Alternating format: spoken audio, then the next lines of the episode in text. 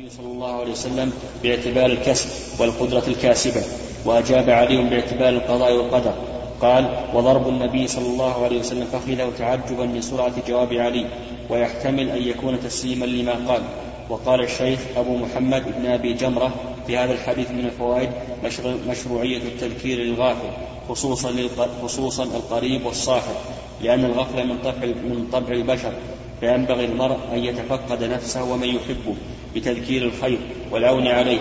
وفيه أن الاعتراض بأثر الحكمة. كمل خذ كمل ومن فوائده أن الاعتراض بأثر الحكمة لا يناسبه الجواب بأثر القدرة في هذا الحديث من الفوائد مشروعية التذكير للغافل خصوصا القريب والصاحب لأن الغفلة من طبع البشر فينبغي للمرء أن يتفقد نفسه ومن يحبه بتذكير الخير والعون عليه.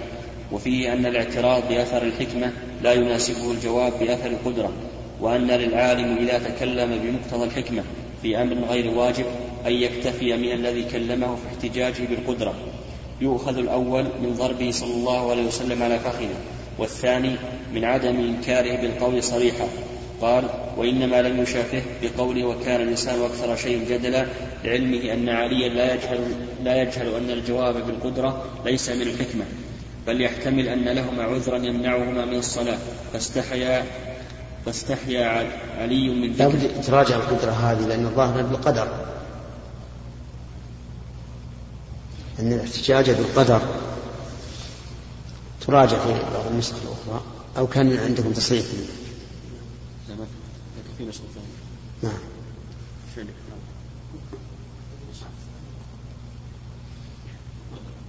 قدرة كل النسخ نعم. بل يحتمل أن لهما عذرا يمنعهما من الصلاة فاستحيا علي من ذكره فأراد دفع الخجل عن نفسه وعن أهله فاحتج بالقدرة. ويؤيده رجوعه صلى الله عليه وسلم عنه مسرعا. قال ويحتمل أن يكون علي أراد بما قال استدعاء جواب يزداد به فائدة. إيش؟ ويحتمل أن يكون علي أراد بما قال استدعاء جواب يزداد به فائدة. استدعاء جواب. نعم يزداد به فائدة. وش بعد جواب؟ جواب يزداد به نعم. فائدة. نعم. من الرسول. وفيه جواز وفيه جواز محادثة الشخص نفسه فيما يتعلق بغيره وجواز ضربه بعض أعضائه عند التعجب وكذا الأسف. ويستفاد من القصة أن من شأن العبودية ألا يضع هذا هذا عند التعجب والأسف. لكن عند الأسى الأسف نخل الأسف الحزن. هذا يكون منهيا عنه. وأما عند التعجب فلا بأس به. فالظاهر لي أنا أن الحديث يحمل على أن الرسول صلى الله عليه وسلم فعل ذلك تعجبا. لكن لا تعجبا من سرعة بديهة علي لأن هذا ما يحتاج إلى سرعة بديهة. كل يمكن أن نقول نفسي بيد الله. لكن من كون علي بن أبي طالب يحتج بأمر كان الرسول عليه الصلاة والسلام يعلمه ويعلم أن نفسي بيد الله. فيتعجب كيف احتج بهذا الشيء المعلوم وهو ليس له ليس له به حجة؟ هذا هذا هو الظاهر. نعم. نعم. أي نعم. تعجبا. نعم.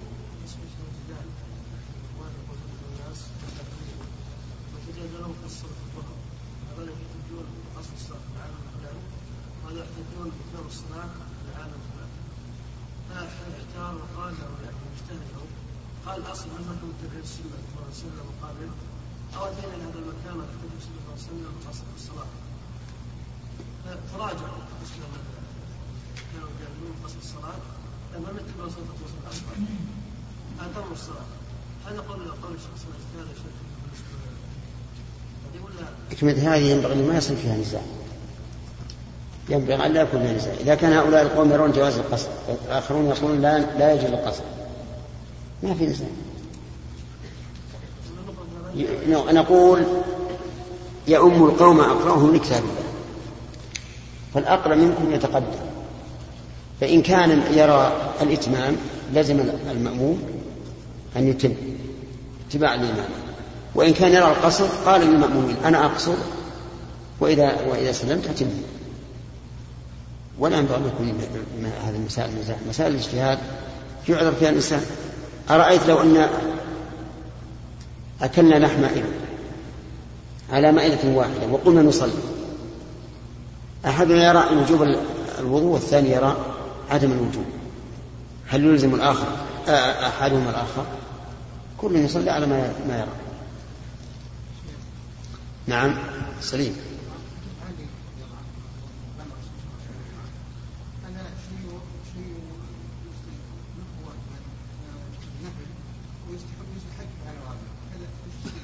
كيف؟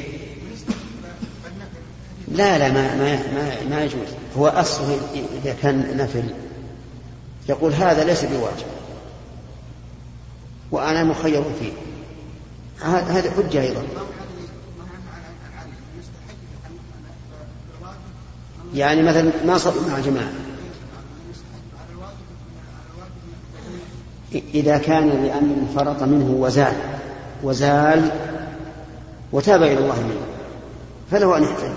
ونقبل. منه لكن إذا قال هذا أمر بيد الله وشفنا كل يوم ما يصلي مع الجماعة وكل ما قال ما, ما شاء الله. ما ما نقبل منه. وهذا هو فعل المشركين الذين قالوا لو شاء الله ما أشركوا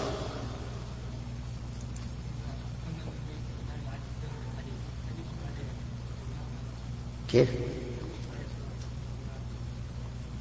التصوف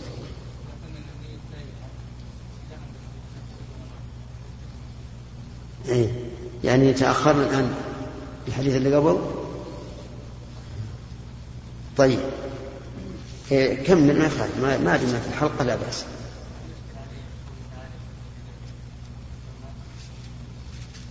هذا من الله. أقول هذا من الله عز وجل. الله له أن يفعل ما يشاء. أليس لا يجوز لا يحل أن نقسم بغير الله؟ والله يقسم بما يشاء نحن لا, لا نحكم على الله الله هو الذي يحكم علينا نعم. أخذنا ثلاثة. قال أبو عبد الله؟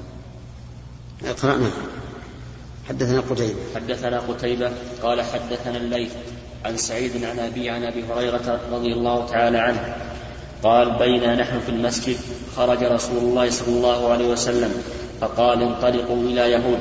فخرجنا معه حتى جئنا بيت المدراس فقام النبي صلى الله عليه وسلم فناداهم فقال يا معشر يهود أسلموا تسلموا. فقالوا بلغت يا أبا القاسم. قال فقال لهم رسول الله صلى الله عليه وسلم ذلك أريد أسلموا تسلموا. فقالوا قد بلغت يا أبا القاسم. فقال لهم رسول الله صلى الله عليه وسلم ذلك أريد. ثم قالها الثالثة. فقال اعلموا أنما الأرض أنما الأرض لله ورسوله. وإني أريد أن, أجلي أن أجليكم من هذه الأرض فمن وجد منكم بماله شيئا فليبعه وإلا فاعلموا أنما الأرض لله ورسوله. الله أكبر. هكذا القوة. قوله المدراس شوف كلام عليه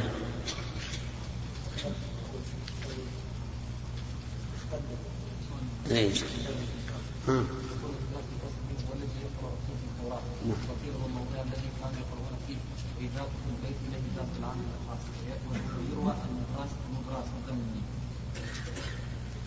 طيب.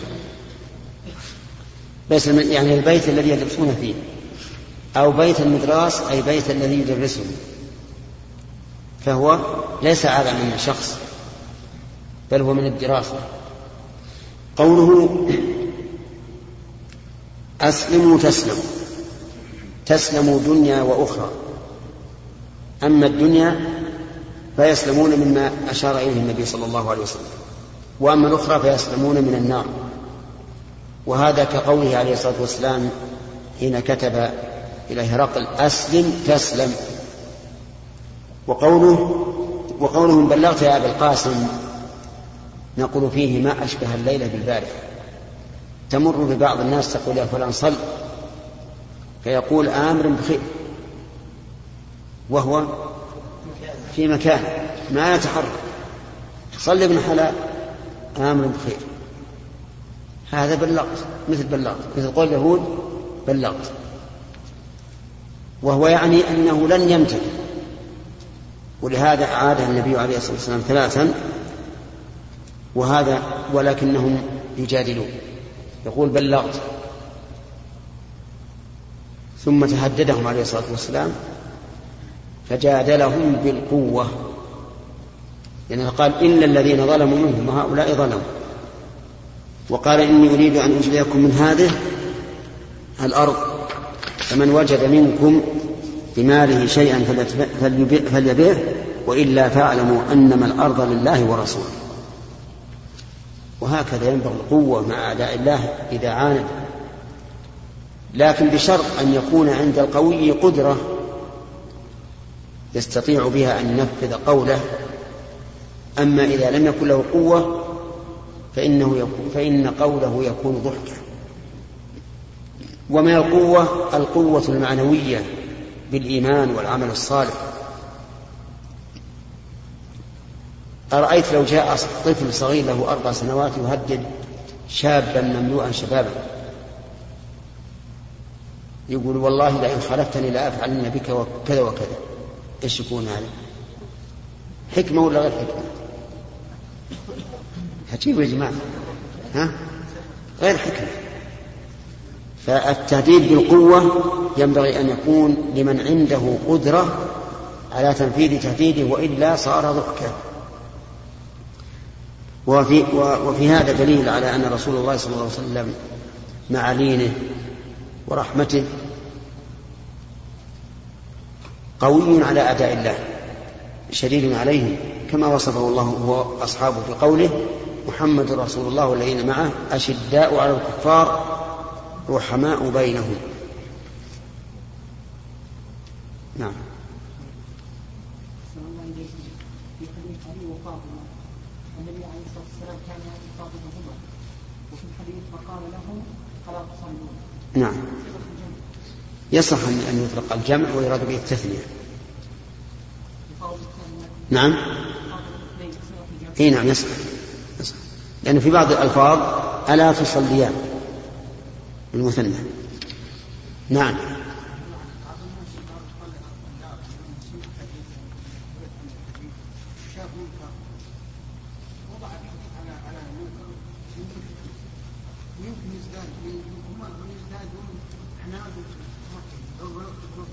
إيه؟ نعم ولا يستعمل يستعمل كيف لا يستعمل يقول اصبح ما طهر على الغنم من يقول؟ المأمور ولا الآمر؟ الآمر.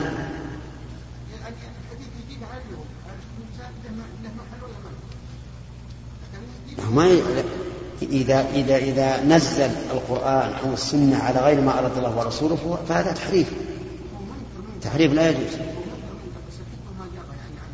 لا بد من الحكمة لا بد من الحكمة نعم.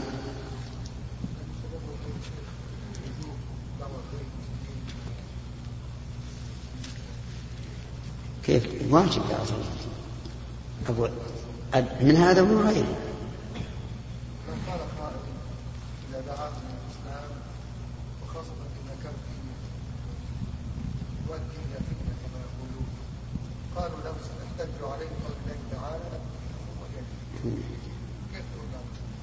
هذا من جهة البراءة. البراءة لهم دينهم ولا دينهم. ولا يمكن أن يكون بينهم اتفاق أن بيننا وبينهم اتفاق في الدين. لكن من جهة ما يجب علينا من دعوتهم وقتالهم إذا لم يمتثلوا حتى يعطوا الجزية عن وهم صاغرون هذا شيء آخر. نعم.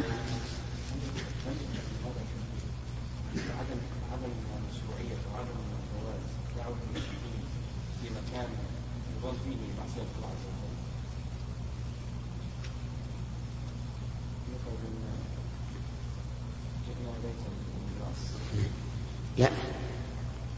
لا هذا يؤخذ منه أن الإنسان ينبغي أن يتحرى مكان اجتماع القوم لتكون الدعوة أعم. نعم.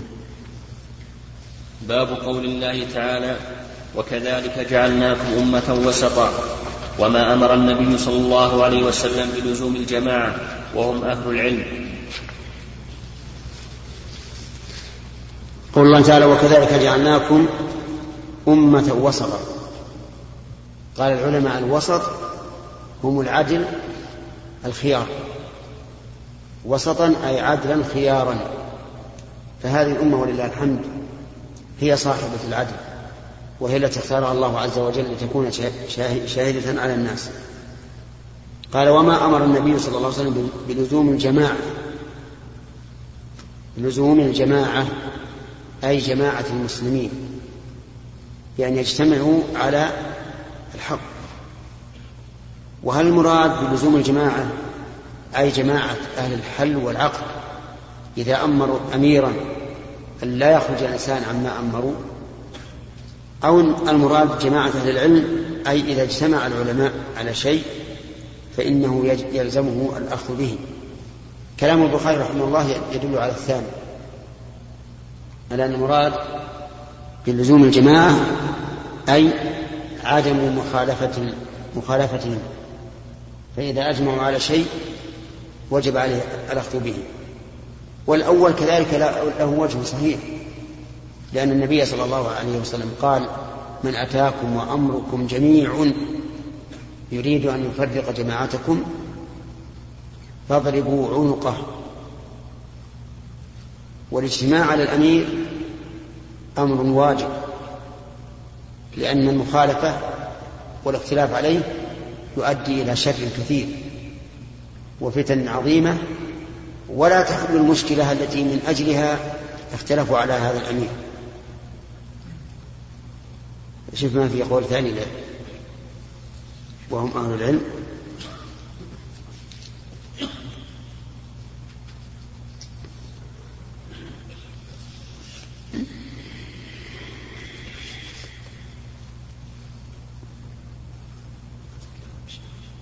نعم.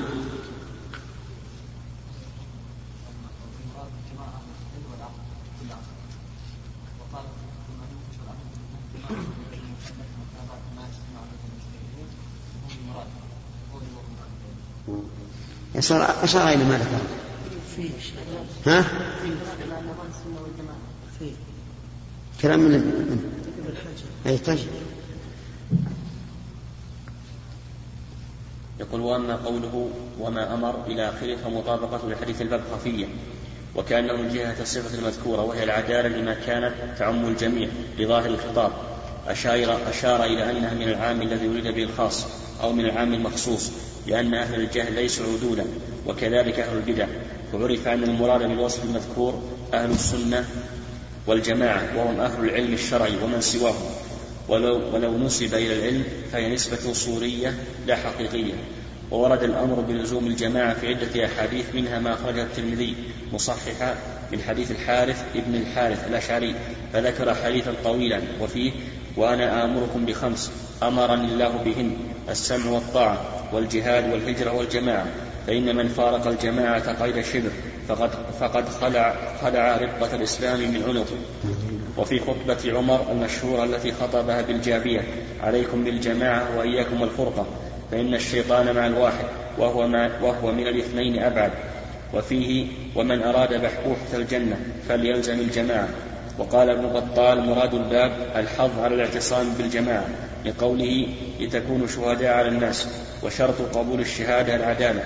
وقد ثبتت لهم هذه الصفة بقول وسط والوسط العدل والمراد بالجماعة أهل الحل والعقد من كل عصر وقال الكلماني مقتضى الأمر بلزوم الجماعة أنه يلزم المكلف متابعة, متابعة ما أجمع عليه المجتهدون وهو وهم المراد بقوله وهم أهل العلم.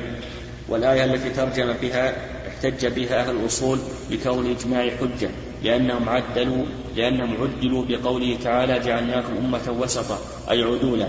ومقتضى ذلك أنهم عصموا من الخطأ فيما أجمعوا عليه قولا وفعلا. قوله حدثنا أبو طيب. المهم أن المراد بالجماعة تشمل المعنيين الجماعة على الأمير والجماعة على القول والحكم. فالرسول عليه عليه الصلاة والسلام أمر بهذا وهذا. أما هل الإجماع حجة أو غير حجة فهذا موضع بحثه في أصول الفقه. ولا شك أن الإجماع حجة ولكن يبقى النظر في تحقق الإجماع. فإن تحقق الإجماع صعب للغاية إلا فيما لا إشكال فيه من أمور الدين كوجوب الصلاة مثلا وإلا فما فيه الإشكال نقل الإجماع. الإجماع فيه صعب ثم العلم بالإجماع صعب. فنقل الإجماع يكون صعبا ولهذا قال الإمام أحمد فيما يروى عنه من ادعى الإجماع فهو كاذب وما يدريه لعلهم اجتمع لعلهم اختلفوا شيخ الإسلام رحمه الله توسط فقال الإجماع الذي ينضبط ما كان عليه سلف الأمة إذ بعدهم كثر الاختلاف وانتشرت الأمة. فما كان عليه السلف فهو الذي يمكن أن يحاط به. أما بعد ذلك الحكومة الإسلامية اتسعت والآراء كثرت وحصلت حصل النزاع الكثير.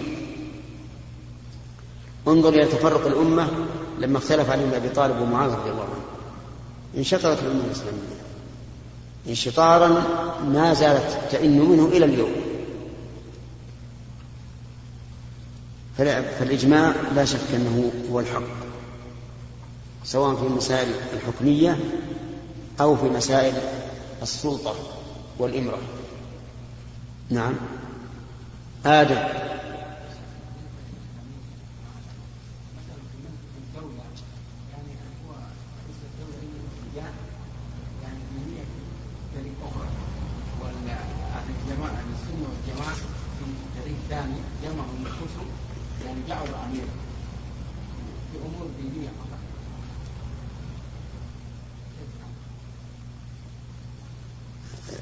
السؤال؟ ها؟ يقول فيها أمير أمير سلطة وهو أمير الدولة رئيس الدولة وفيها أهل سنة وجماعة يريدون أن يجعلوا لهم أميرا هكذا أمير السنة أهل السنة والجماعة لا لا يكون أميرا يكون إماما فكونه إماما ولو كان تحت سلطة عامة للجميع لا بأس به إماما يقتدون به ويأخذون بقوله. كما كانت الأمة الإسلامية هكذا. فيها الأئمة وفيها الخلفاء. نعم. أخذنا ثلاثة ما سأل آدم عن ثلاثة؟ نعم.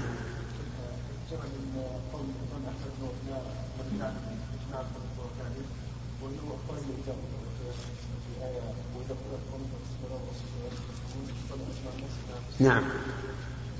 مراده مراده أنه لا يجب الإنصات لقراءة القارئ إلا في الصلاة. يعني لو سمعت إنسان يقرأ بجنبك لا يلزمك أن تنصت له. هذا معنى قوله أجمعوا على أنه في الصلاة يعني أن المأموم ينصت الإمام. لا أن كل قارئ تسمعه يجب عليك أن تنصت له. وهذا مراد المفسرين لأن المفسرين يمكن الضباط.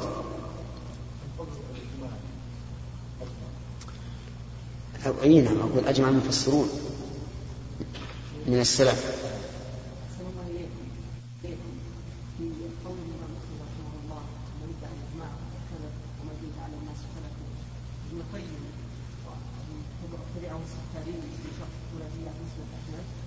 قال ان مراد الامام رحمه الله لا نفي الاجماع نعم وانما اراد في قوله في قوله لا يعلم له مخالفه فكان اجماعا نعم قال عبارته تنصب على هذا هل توافقون؟ لا هو, هو ربما نقول ادعى الإجماع فهو كاذب لعلهم اختلفوا يعني من قال أجمعوا وهو ليس من أهل العلم الذين لهم مدارك واسعة. ولهذا قال وما يدريك وما يدريه لعلهم اختلفوا. وكثير من الناس يدعون الإجماع في مسائل فيها الخلاف. ولو رجعنا إلى كتاب شيخ ابن القيم رحمه الله الصواعق الموصلة ذكر مسائل عديدة تزيد على العشرين كلها نقل فيها الإجماع والخلاف فيها ثابت. ولهذا يجب على الإنسان أن يتحرز ولا ينقل الإجماع. إذا كان واسع المدارك وقد راجع أقوال الناس يقول لم أعلم منازعا في ذلك أو مخالفا في ذلك. أما الإجماع صعب. انتهى الوقت. نعم. بسم الله الرحمن الرحيم. الحمد لله والصلاة والسلام على رسول الله. قال البخاري رحمه الله تعالى باب قول الله تعالى وكذلك جعلناكم أمة وسطا وما أمر النبي صلى الله عليه وسلم بلزوم الجماعة وهم أهل العلم. حدثنا إسحاق بن منصور قال حدثنا أبو أسامة قال حدثنا الأعمش قال حدثنا أبو صالح عن أبي سعيد الخدري رضي الله تعالى عنه. قال قال رسول الله صلى الله عليه وسلم يجاء بنوح يوم القيامة فيقال له هل بلغت؟ فيقول نعم يا رب. فتسأل أمته هل بلغكم؟ فيقولون ما جاءنا من, من, من نذير. فيقول من شهودك؟ فيقول محمد وأمته. فيجاء, فيجاء بكم فتشهدون. ثم قرأ رسول الله صلى الله عليه وسلم وكذلك جعلناكم أمة وسطا. قال عدلا لتكونوا شهداء على الناس ويكون الرسول عليكم شهيدا. وعن جعفر بن عون قال حدثنا الأعمش عن أبي صالح عن أبي سعيد الخدري رضي الله تعالى عنه عن النبي صلى الله عليه وسلم بهذا. قول قال عدلا من, من القائل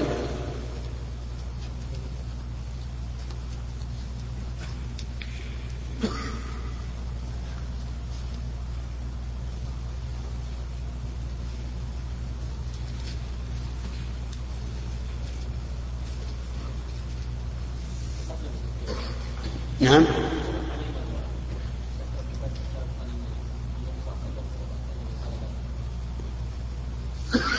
نسيت مش عندك شيء.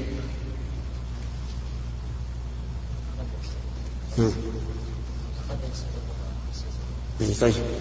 يراجع جل ويتأكد منه. نعم. باب إذا اجتهد. باب إذا اجتهد العامل أو الحاكم فأخطأ خلاف الرسول. من غير علم فحكمه مردود. بقول النبي صلى الله عليه وسلم من عمل عملا ليس عليه أمرنا فهو رد.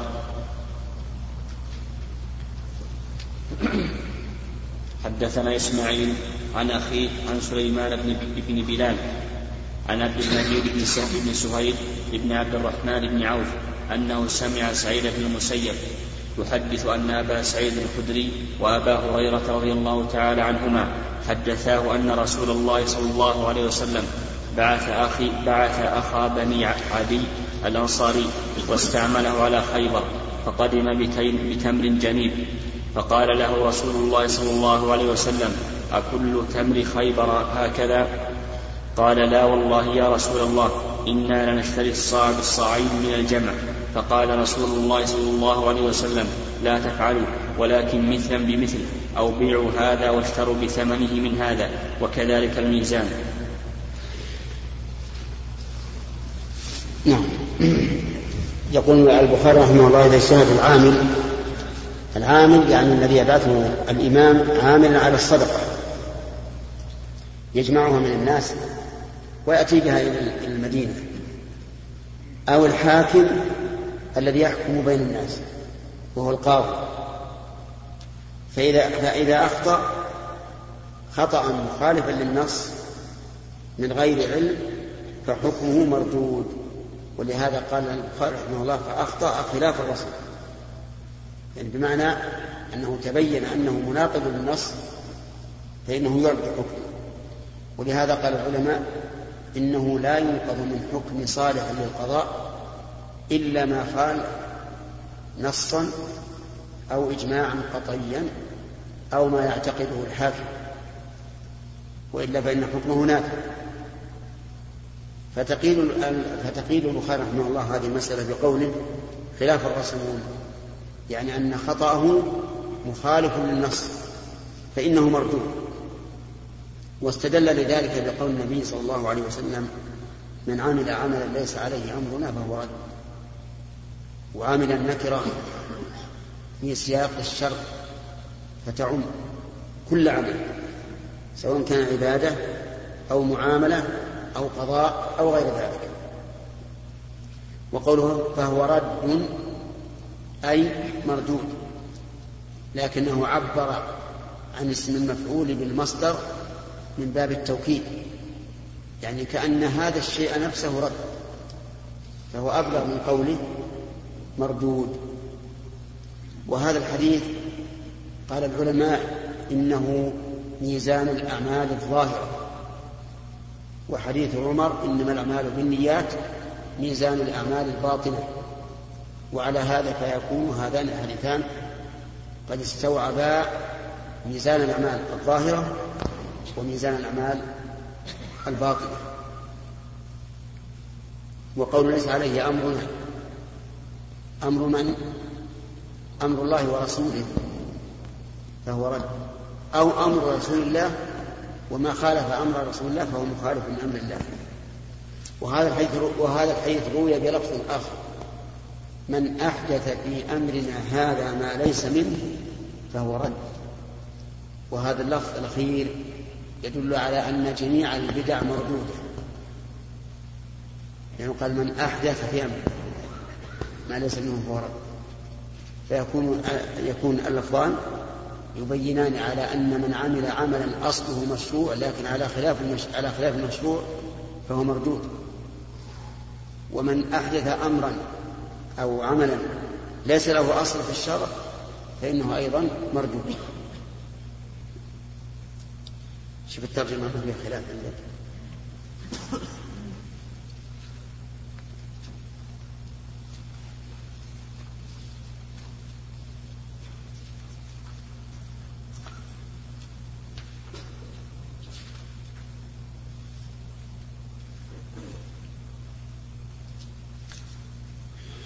قوله باب إذا اجتهد العامل أو الحاكم في رواية الكشميهني العالم بدل العامل.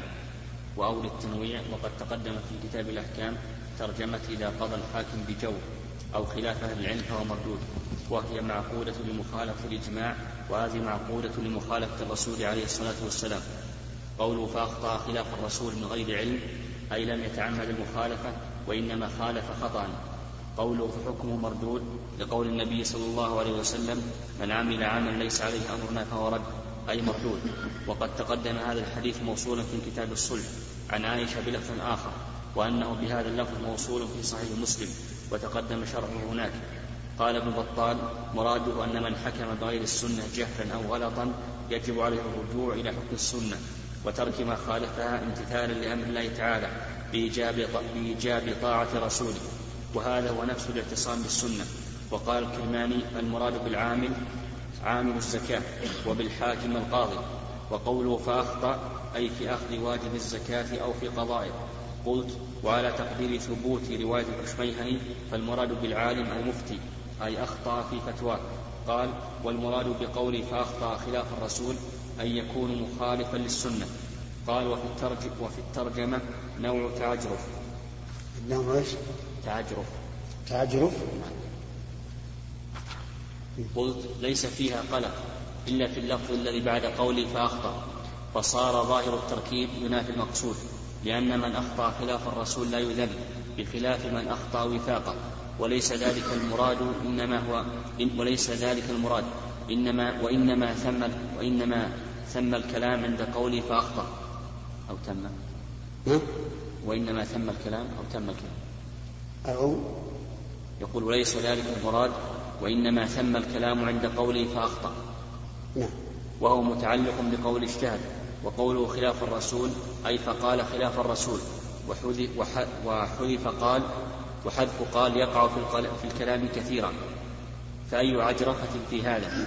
والشارح من شأنه أن يوجه كلام الأصل مهما أمكن ويغتفر القدر اليسير من الخلل. تارة ويحمله على الناس تارة وكل ذلك في مقابلة الإحسان الكثير الباهر ولا سيما مثل هذا الكتاب.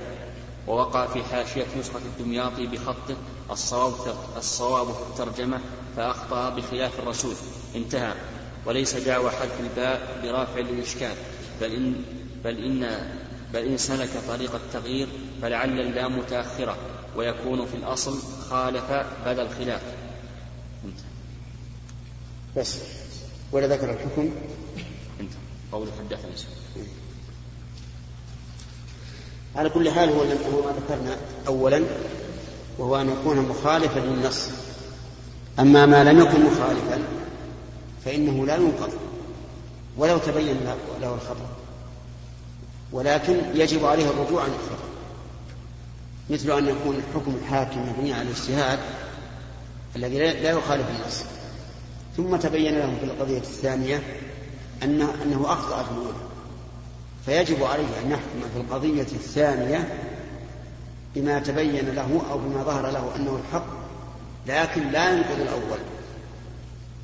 وهذا هو الذي يكاد العلماء يجمعون عليه. لأننا لو قلنا كلما تبين لحاكم أن اجتهاده الأول خطأ وجب عليه نقضه لاختلت أحكام الناس. حتى لو كان قاضيا فأفتى بصحة الصلاة مثلا. ثم تبين له أنه أن فتواه خطأ فإنه لا لا يلزمه أن يرجع الفتوى الأولى.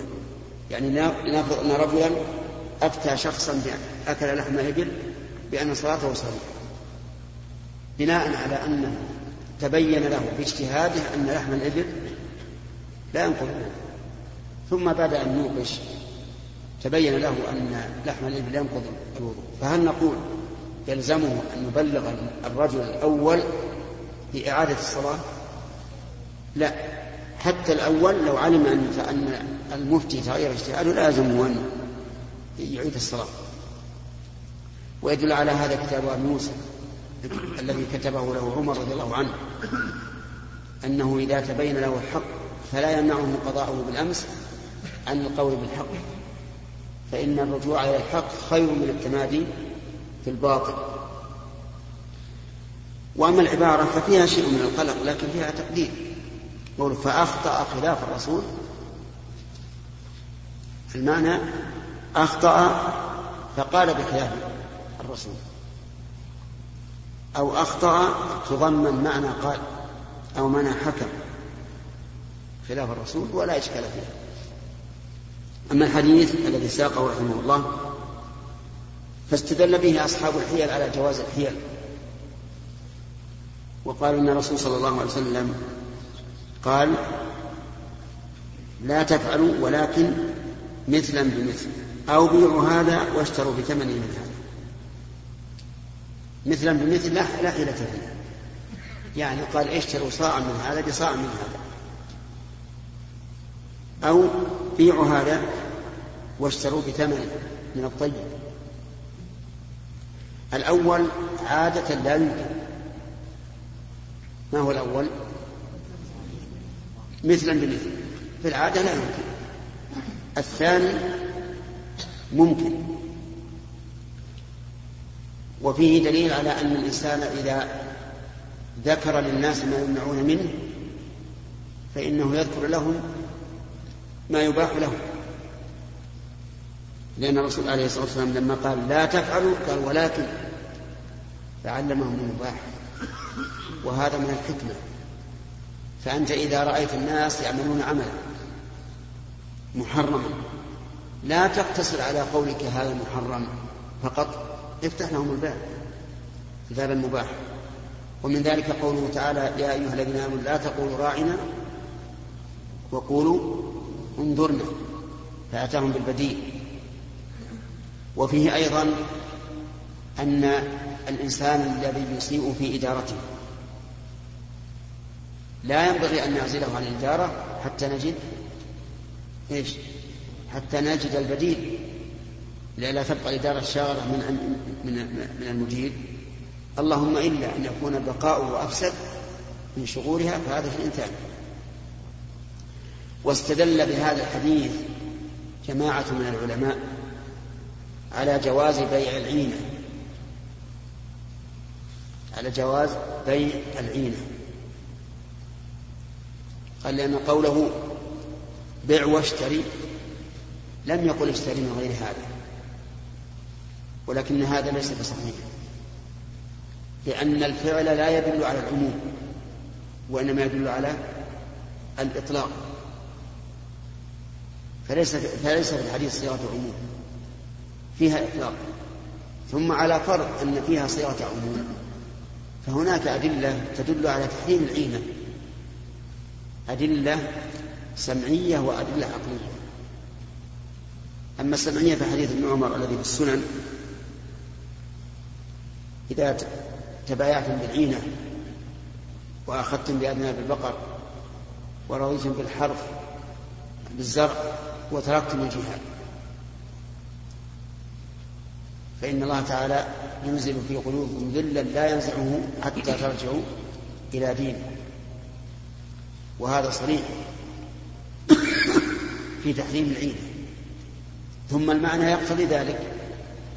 إذا قلنا يحرم عليك أن تأخذ تمر صاعا من التمر الجيد بصاعين من التمر الردي ثم قلنا بع التمر الردي على صاحب التمر الجيد. ثم اشتري منه تمرا ثم اشتري منه بثمنه تمرا جيدا. ما الذي ما الذي استفاد من البيع؟ نعم؟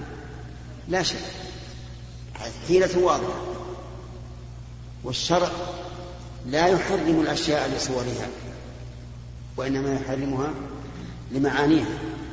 فإذا كان شراء صاع من التمر الطيب بصاعين من التمر الرديء محرما فبيع التمر الرديء على صاحب التمر الطيب ثم شراء بثمنه تمرا طيبا يكون حراما لأنه حيلة واضحة. وفيه أيضا قول لا تفعلوا ليس فيه دليل على رد البيع الأول. ليس فيه دليل على رد البيع الأول إنما فيه دليل على النهي عن الفعل في المستقبل. لكن في بعض ألفاظ الحديث ردوه فأمر برده وحينئذ يكون فيه دليل, دليل على ما ترجم له البخاري رحمه الله. ولعله لم يذكر هذه اللفظة إما لأنها على على غير شرطه أو لأنها في سياق على غير هذا هذا الطريق. وقوله كذلك الميزان أي كذلك ما يوزن مثل الذهب والفضة فإنه لا يباع الذهب بالذهب إلا مثلا بمثل فإن كان جيد ورديء فإنه يباع الرديء ويشترى بثمنه جيد. نعم. يحيى؟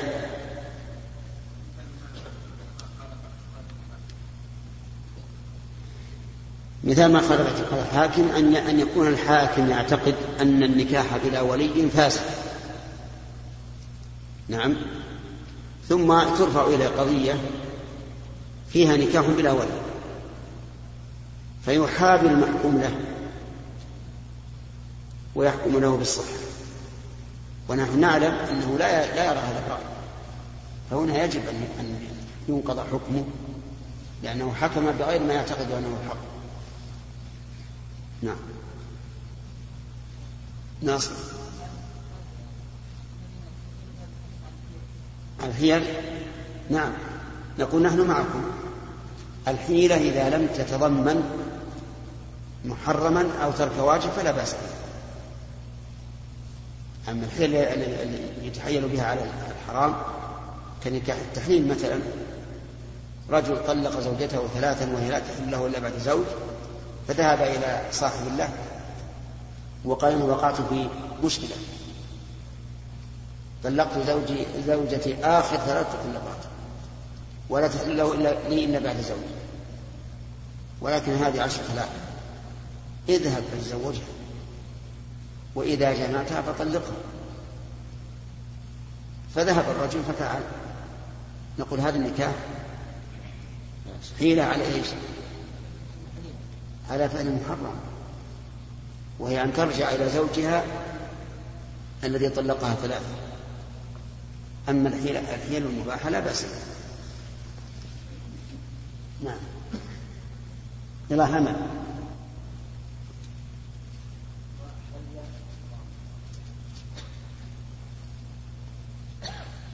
مثل يعني قال